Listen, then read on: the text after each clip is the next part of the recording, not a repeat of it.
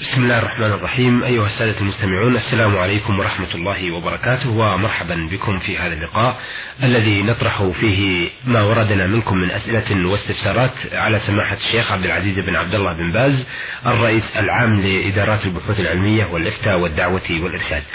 أيها السادة باسمنا وباسمكم جميعا آه، نشكر فضيلة الشيخ على الإجابة على هذه الأسئلة. سماحة نشكركم أيضا. نسأل الله يوفق الجميع. آمين. آه، سماحة الشيخ هذه رسالة وردت من المستمع عين عين صاد يسأل عن الزيادة في قروض البنوك. يقول فضيلة الشيخ عبد العزيز بن باز حفظه الله السلام عليكم ورحمة الله وبركاته. وبعد أفيدكم بناحية هامة تمس العقيدة الإسلامية وهي أن البنوك إذا أرادوا أو إذا أراد أحد أن يقترض منهم طلبوا عليه زيادة معينة عند تسديد القرض. أه ويشترطون على المقترض رهن الصك ولا يتم رهن الصك إلا بموافقة المحكمة أو كتابة العدل. والسؤال هو هل يجوز أن يشترط البنك على المقترض زيادة معينة؟ وهل يجوز للمحكمة أو كتابة العدل أن توافق على رهن الصك للبنك مع علمها؟ بأن في هذا الاقتراض معاملة ربوية. الرجاء توجيه نصيحة للناس ولأصحاب البنوك في هذه الناحية. كما آه، أرجو الإجابة على سؤالي وفقكم الله. بسم الله الرحمن الرحيم. الحمد لله. وصلى الله وسلم على رسول الله وعلى آله وأصحابه ومن اهتدى أما بعد هذا القرض الذي سأل عنه السائل محرم بلا شك. وتحريمه محل إجماع بين أهل العلم لأن الزيادة في القرض ربا بلا شك عند أهل العلم. فلا يجوز للمسلم أن يقترض من أي إنسان من البنك أو غير البنك بزيادة. عند الرد كان يقترض مئة على أن يرد إليه مئة وعشرة أو مئة وخمسة أو مئة ريال واحد. كل ذلك ربا. وهكذا ألف على يرد عليه ألف وخمسة أو ألف وعشرة أو ألف وعشرين. كل ذلك ربا. لا يجوز للمسلم أن يتعاطى هذا لا من البنك ولا من غير البنك لا مع الأفراد ولا مع الجماعات كله منكر. وقد كتبنا في هذا غير مرة. ونشر في الصحف المحلية وغيرها. فالأمر واضح ولكن الكثير من الناس يقدم على الربا ولا يبالي إيثار العاجل على الآجل وعدم عناية بأمر الله سبحانه وتعالى. وإذا علمت المحكمة هذا الأمر فليس لها أن أن توافق على ذلك وليس لها أن توافق على تثبيت الصك لأن هذا من باب الإعانة على الربا. ولكن فيما بلغني أن المحاكم لا تدري عن هذا لأنهم يجملون الزيادة في القرض ويدعون أن لهم على فلان كذا وكذا ويكثرون الزيادة في القرض فلا يعلم القاضي الحقيقة. ويكتب لهم على دين معين ليس فيه ذكر الزيادة معروفة فالحاصل أن الحاكم إذا عرف عرف ذلك أو كاتب العدل لا يجوز له التوثيق لهذا الدين الذي فيه الربا ولكن قد يعمون هذا أو يخفونه ولا يبينونه فيكتب كاتب العدل أو الحاكم التوثيق لأنه لا يعلم الحقيقة. ومن جهل فهو معذور نعم. أحسنتم. آه هذه رسالة من آه المرسل محمد مفرج الدوسري. يسأل عدة أسئلة أولها يقول هل الجندي أثناء عمله ليس عليه جمعة ولا جماعة؟ هذا فيه تفصيل. الجندي إذا كان حارس على شيء للدولة كان يكون حارسا على سجن أو حارسا على مال يخشى عليه أو على محل من المحلات يخشى يخشى أن تنتهك هذا ليس عليه جماعة ولا جمعة بل يصلي فردا. أما جنس الجندي إذا لم يكن حارسا على شيء ولا مريضا فإن عليه مثل ما على الناس عليه يصلي الجمعة والجماعة. هذا هذا هذا الإطلاق ليس له وجه. الجندي مثل غيره. نعم. إلا إذا كان هناك عذر شرعي من مرض أو خوف لو خرج إلى الجماعة أو الجمعة أو كان حارسا على شيء يخشى عليه كان يكون حارسا على باب السجن أو على أموال تحت يده يحرسها يخشى عليها أو ما أشبه ذلك فهذا عذر. نعم. آه سؤاله الآخر يقول هل يجوز من حضر إلى المسجد؟ آه، متأخر وصلى تحية المسجد أمام وجه مصلي آخر أو ضايقه حتى كان يخرج من مكانه وفي بعض الحالات يخرج ويترك المكان له. وهذا كثير ما يحدث والبعض يضع سجادة أو إحرامه ويذهب للطواف آه، ليحجز المكان في المسجد الحرام. نرجو الإفادة عن هذين النقطتين. ليس للمؤمن أن يضايق أخاه في الصف بل يصلي حيث انتهى بل يقف ويصف مع الناس حيث انتهى الصف. وليس لا يفرق بين اثنين كما جاءت به النصوص. لكن لو وجد فرجة تسع له فإنه لا بأس أن يدخل بها ويسدها لأن المسلمين مأمورون بسد الفرج. وبالتراص الصفوف وله يصلي إذا كان أمامه أحد له يصلي تحية المسجد أو الراتبة وإن كان أمامه شخص جالس كالإمام ونحو ذلك لا بأس لا حرج عليه في ذلك وإنما يجب عليه أن يلاحظ عدم الإيذاء لإخوانه المسلمين بل يصف مع الناس حيث انتهت الصفوف ولا يؤذي الناس بمضايقته في الصفوف. ما لم يجد فرجة له فلا بأس أن يسدها كما هو مأمور بذلك. نعم. آه طيب وبالنسبة لحجز المكان بسجادة؟ كذلك حجز المكان ليس له حجز المكان. ليس لأحد أن يحجز المكان لا في يوم الجمعة ولا في غيره. بل ينبغي له يأتي إلى الصلاة على نية الإقامة في المسجد حتى يصلي مع الناس. نعم. أما أن يأتي يجعل في المكان سجادة سجادة أو شيء آخر حتى يرجع يذهب إلى بيته أو إلى الطواف أو إلى شيء آخر ثم يرجع ليس له ذلك. لأن هذا يمنع منه المتقدمين إلى الصلاة وإلى الصفوف. فالواجب على المؤمن أن يدع هذه الأمور وأن يقصد الصلاة أن يقيم في المسجد لا ليضع عمامة أو عباءة أو سجادة أو غير ذلك ثم يخرج لحاجاته الأخرى؟ نعم. آه سؤاله الآخر يقول هل المرور أمام أوجه المصلين حرام؟ آه في جميع المساجد وأيضا في المسجد الحرام يحدث كثيرا. آه نرجو التوجيه وفقكم الله. ليس المسلم أن يمر بين المصلين أمامهم لأن النبي صلى الله عليه وسلم قال لو يعلم الله بين يدي المصلي ماذا عليه لكان أن يقف أربعين خير له من أن يمر بين يديه. فليس المسلم يمر بين يدي إخوانه وهم يصلون. إذا كان الإمام لم يقم الصلاة يصلون النوافل ينتظرون الصلاة أو بعد الصلاة ليس يمر بين أيديهم. بل يسلك مسلكا آخر حيث أمكن حيث يلتمس الموقف مع المصلين على طريقة لا يمر بها بين يدي المصلي قريبا منه. أما إذا كان بعيدا منه فلا يضره ذلك. أو أمام السترة بين المصلي وبينه السترة فلا بأس بذلك. وهكذا إذا كان الناس في الصلاة قد قد قيمت الصلاة فلا بأس يمر بين يدي المصلين وهم في الصلاة. لأنهم مستورون بالإمام بسترة الإمام فلا يضر من مر بين أيديهم وهم يصلون خلف الإمام. ولكن لا يمر بين يدي المصلي فردا أو بين يدي الإمام ولا يمر بينه وبين السترة أيضا بل يكون بعيدا عن ذلك أو من وراء السترة لا بأس. للحديث السابق. نعم. سماحة الشيخ ممكن نعرف مقدار آه، قبلة الشخص التي ممكن أن يمر الإنسان آه، بعدها؟ اختلف العلماء في هذا وأحسن ما قيل ذلك أنه إذا كان أبعد من ثلاثة ذراع من قدم المصلي فلا يضر. يعني لأنه إذا أراد أن يرده يحتاج إلى خطوات يحتاج إلى يتقدم إيه. خطوات. وكان النبي صلى الله عليه وسلم لما صلى في الكعبة جعل بينه وبين الجدار ثلاثة ذراع فإذا كان بعيدا عن محل المصلي ثلاثة ذراع فأكثر بعيدا عنه. فلا يضر ذلك. ولكن أولى بالمصلي أن يتخذ سترة. تيسر له سترة يتخذ سترة كالسارية والجدار أو عصا يركزها أو ما أشبه ذلك إذا تيسر له ذلك. حتى يوسع للناس في المرور ولا يحرجهم. والذي يرى السترة ليس له يمر بينها وبين المصلي بل يمر من ورائها. نعم. كان النبي صلى الله عليه وسلم يتخذ سترة في أسفاره وفي الحضر عليه الصلاة والسلام ويقول صلى الله عليه وسلم إذا صلى أحدكم فيصلي إلى سترة ويدنو منها. فاتخاذ السترة سنة مؤكدة والذنوب لها سنة أيضا وليست واجبة لكنها سنة. آه إذا نستطيع أن نقول أن الإنسان إذا مد يده آه، لمن أراد أن يمر أمامه ولا يطوله إلا بخطى فإنه في نعم هذا مأمول نعم. في أصح الأقوال. نعم. أثابكم الله. آه سؤاله الأخير يقول هل يجوز دخول المسجد والجلوس فيه دون الصلاة؟ آه حتى يؤذن.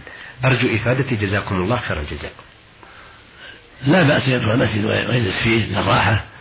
أو للنوم في القائلة أو ما أشبه هذا لا بأس بذلك.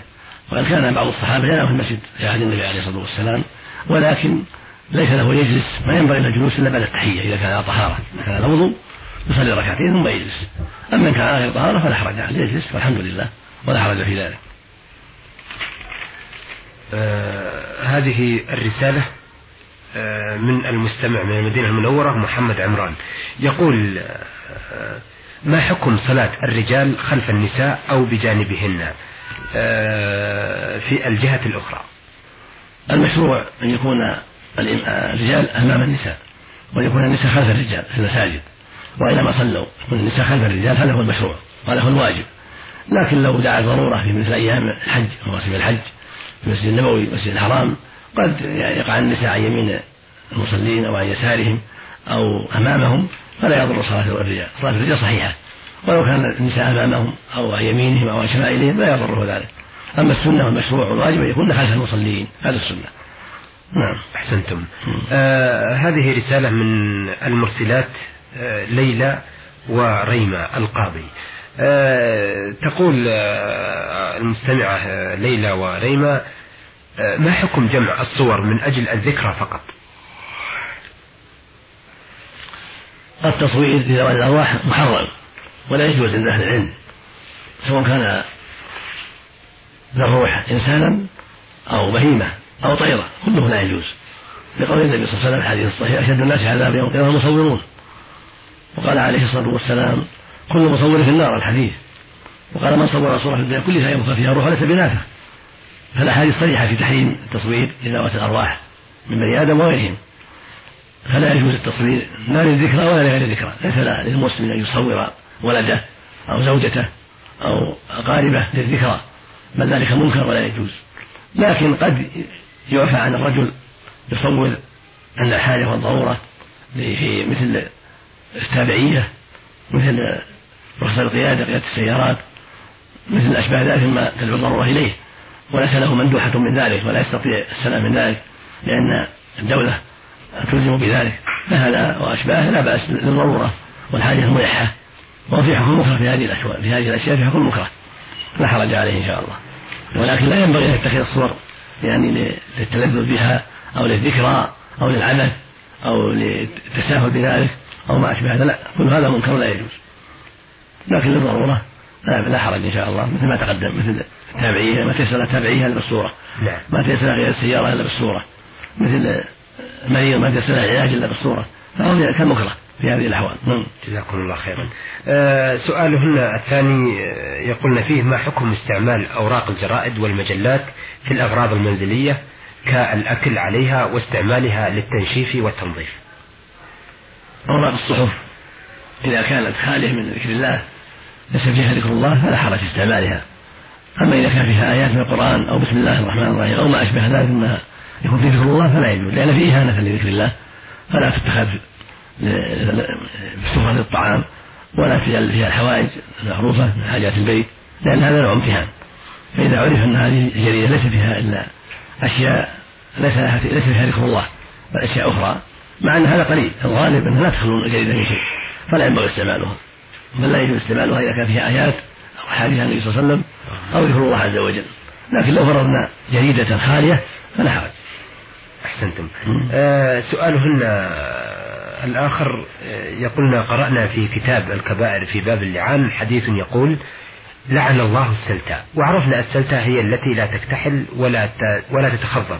فهل هذا الحديث صحيح؟ وفقكم الله. هذا الحديث لا أعرف له أصلا. لا أعرف له أصلا. والذي يظهر لي أنه موضوع ليس من حديث النبي صلى الله عليه وسلم. آه أيضا السؤال آه الآخر ما حكم إزالة شعر الأيدي والأرجل من أجل الزينة؟ لا أعلم فيه بأسا. أخذ الشعر من يد المرأة ورجلها هذا حرج. لا نعلم فيه بأس أما الوجه فلا. لأن الرسول صلى الله عليه وسلم لعن النامصة والمنمصة وذكر أئمة اللغة أن النامصة هي التي تأخذ الشعر من الوجه أو من الحاجبين. هذا هو ممنوع نعم. أما لو ظهر لها لحية أو ظهر لها شارب أو صلى شعر في يديها أو في رجليها فلا بأس بأخذه ولا حرج في ذلك إن شاء الله. أحسنتم. سؤال أه الأخوات ليلى وريمة القاضي الأخير أه يقولن فيه إذا سافرت المرأة إلى الخارج فما حكم الحجاب مع كشف الوجه؟ المرأة في الخارج كالداخل ليس لها كشف وجه فلا عليها أن تحتجب في الداخل والخارج. لأن الله جل وعلا قال وإذا سألتمون متى فاسألون من وراء حجاب ذلكم أطهر لقلوبهم وقلوبهن قال سبحانه ولا يبدين زينتهن إلا لبعولتهن وآبائهن الآية. فالواجب عليهن التستر والتحجب مطلقا في الداخل والخارج. لأن الرجال في الخارج كالداخل يخشى منهن منهم الفتنة ويخشى عليهن الفتنة يعني النساء أيضا. فالحاصل أن الداخل والخارج سواء في وجوب الحجاب. آه هذا سؤال من المستمع من الرياض محمد عمران الغشام. يقول إن فيه بعض المأمومين يذهبون إلى مساعدة الإمام في تسوية الصفوف للصلاة.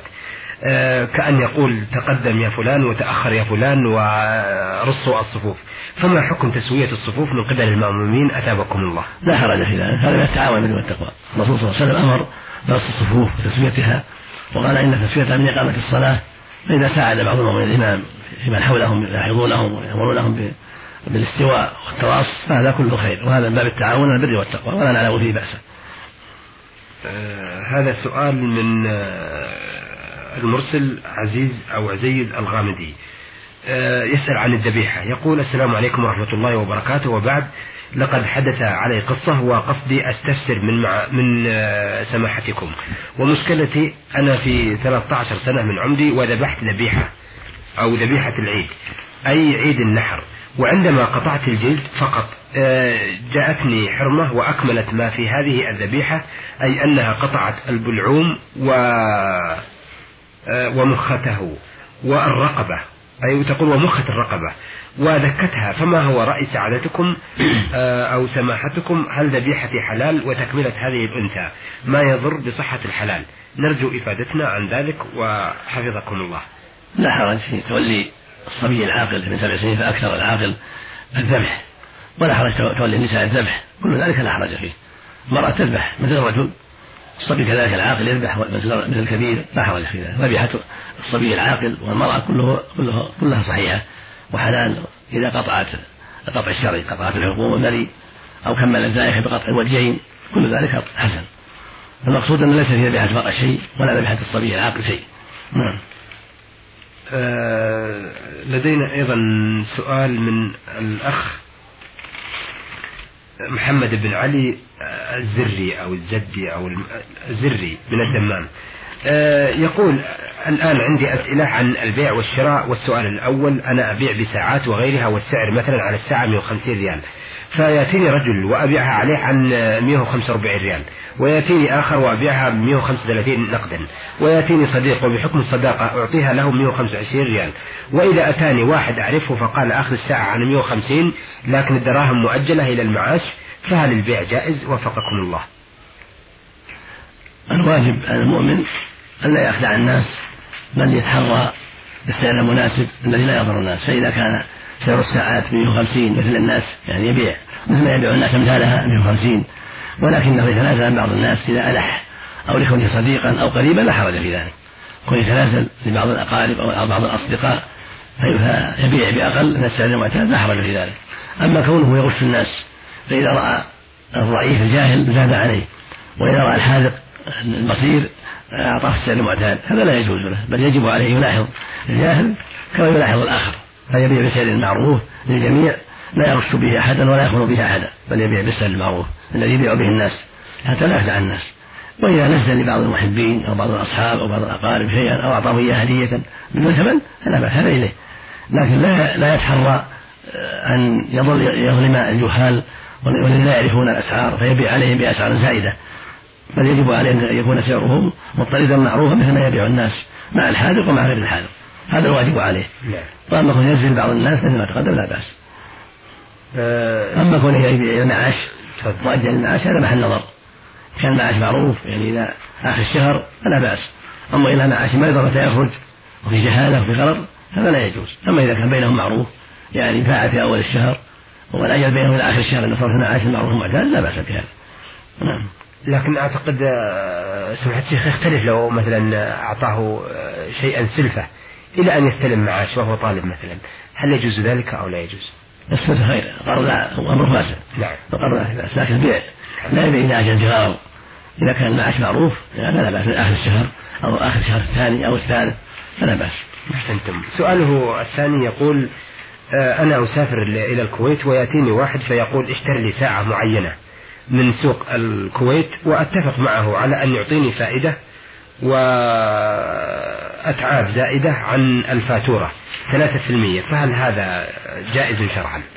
إذا اتفق معه على أجرة ثلاثة في المئة عن تعبه في شراء الساعة لا بأس. إذا اتفق معه أن يشتري الساعة كوكيل ولكنه يعطيه في مقابل ذلك ثلاثة في المئة أو خمسة في المئة عن تعبه لا حرج في ذلك. أما أنه مثلا آه، يبيع عليه يشتريها ويبيع عليه شيء ما هو في ملكه لا لا يبيع عليه الساعة اللي في ملكه إنما هو وكيل. نعم. يشتري له الساعة ويعطيه إياه ولكن له أجرة. من باب الوكالة لا بأس بذلك. وليس له يبيع عليه الساعات ما بعد اشتراها. نعم. أحسنتم. أيها السادة إلى هنا ونأتي على نهاية هذا اللقاء الذي استعرضنا فيه الأسئلة والاستفسارات التي وردت في رسائل المستمعين. عين عين صاد ويسأل عن حكم الزيادة في قروض البنوك. والمستمع محمد مفرج الدوسري آه، وعنده عدة أسئلة ومحمد عمران من المدينة ويسأل عن صلاة النساء أمام الرجال وليلى وريمة القاضي ومحمد عمران الغشام من الرياض ويسأل عن حكم تسوية الصفوف من قبل المأمومين وعزيز أو عزيز الغامدي ويسأل عن حكم ذبح الصغير وذبح المرأة وأخيرا محمد بن علي الزري من الدمام ويسأل عن الزيادة في البيع على بعض المشترين وعن نقص الآخرين. آه هذه الأسئلة والاستفسارات. عرضناها على سماحة الشيخ عبد العزيز بن عبد الله بن باز الرئيس العام لإدارات البحوث العلمية والإفتاء والدعوة والإرشاد.